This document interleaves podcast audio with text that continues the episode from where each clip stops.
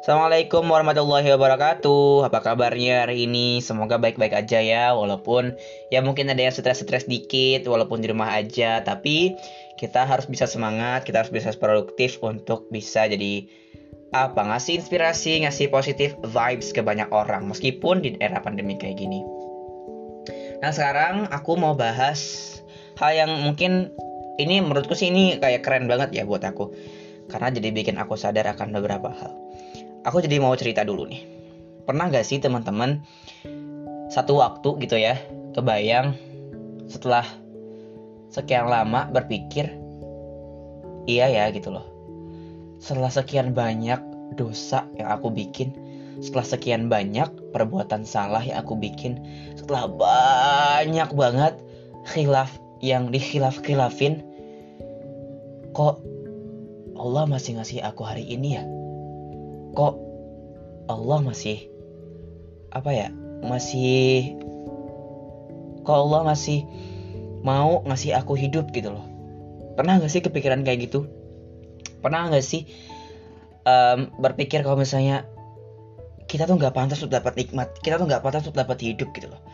Aku sempet loh kepikiran kayak gitu yang kayak jahat banget ya aku jadi hamba gitu. Jahat banget ya kurang ajar banget ya aku jadi jadi manusia yang dikasih kesempatan kok kesempatan yang gak, dipakai dengan baik gitu kan. Jadi ceritanya malam di suatu malam aku itu kan tidur. Aku ini bangun. Kebangun lah gitu jam jam 2 jam 3 aku tuh kayak kepikiran bangun aku alarm tuh udah hampir tiga kali. Aku matiin terus Nah yang ketiga itu kan uh, jam setengah tiga malam itu kan alarm yang terakhir. Setengah empat sorry setengah empat malam itu kan alarm yang terakhir. Alarm terakhir aku matiin. Aku pikir itu untuk memang niatnya untuk untuk sholat malam gitu kan. Aku matiin, aku tidur lagi kan. Tapi aku tuh rasanya udah tidur lama. Tapi pas bangun lihat jam di HP itu masih jam jam 4 kurang seperempat gitu loh. Masih belum belum waktunya subuh. Masih jam apa 4 kurang kurang seperempat juga sih. 38 35 gitu loh. Jadi kayak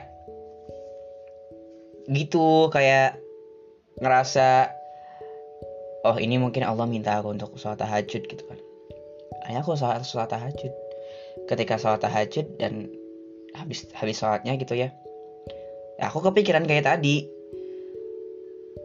dengan begitu numpuknya dosa yang aku bikin, dengan begitu banyaknya apa hal buruk yang aku perbuat dengan nikmat-nikmat Allah, rasanya kok aku malu ya untuk bisa mohon ampun. Rasanya kok aku kayak gini ya. Ibaratnya kayak gini loh. Kita tuh udah dikasih sesuatu, kita tuh udah dipinjemin apa ya, uang misalnya, jadi pinjemin uang sama saudara kita atau teman kita tapi kita gak balik-balikin duitnya. Dan kita juga malah kurang ajar sama dia gitu loh. Sama kayak gitu kan kita kan udah dikasih hidup nih. Kita kan udah dikasih rejeki gitu kan nikmat uh, rejeki rumah keluarga dan lain-lain. Tapi gak dipakai buat kita untuk apa yang Allah mau gitu loh. Untuk apa yang yang Allah udah pinjamin ke kita tuh gak sesuai sama yang sesuai sama yang minjamin ke kita. Maunya apa ternyata kita malah ngelanggar gitu dan dan hebatnya Allah ngasih kesempatan kita untuk ya nih aku mau dengerin kamu. Ya nih aku mau dengerin kamu. Aku jadi ngerasa malu sendiri dengan semua ini gitu loh. Sejahat itukah se se sekurang ajar itukah aku yang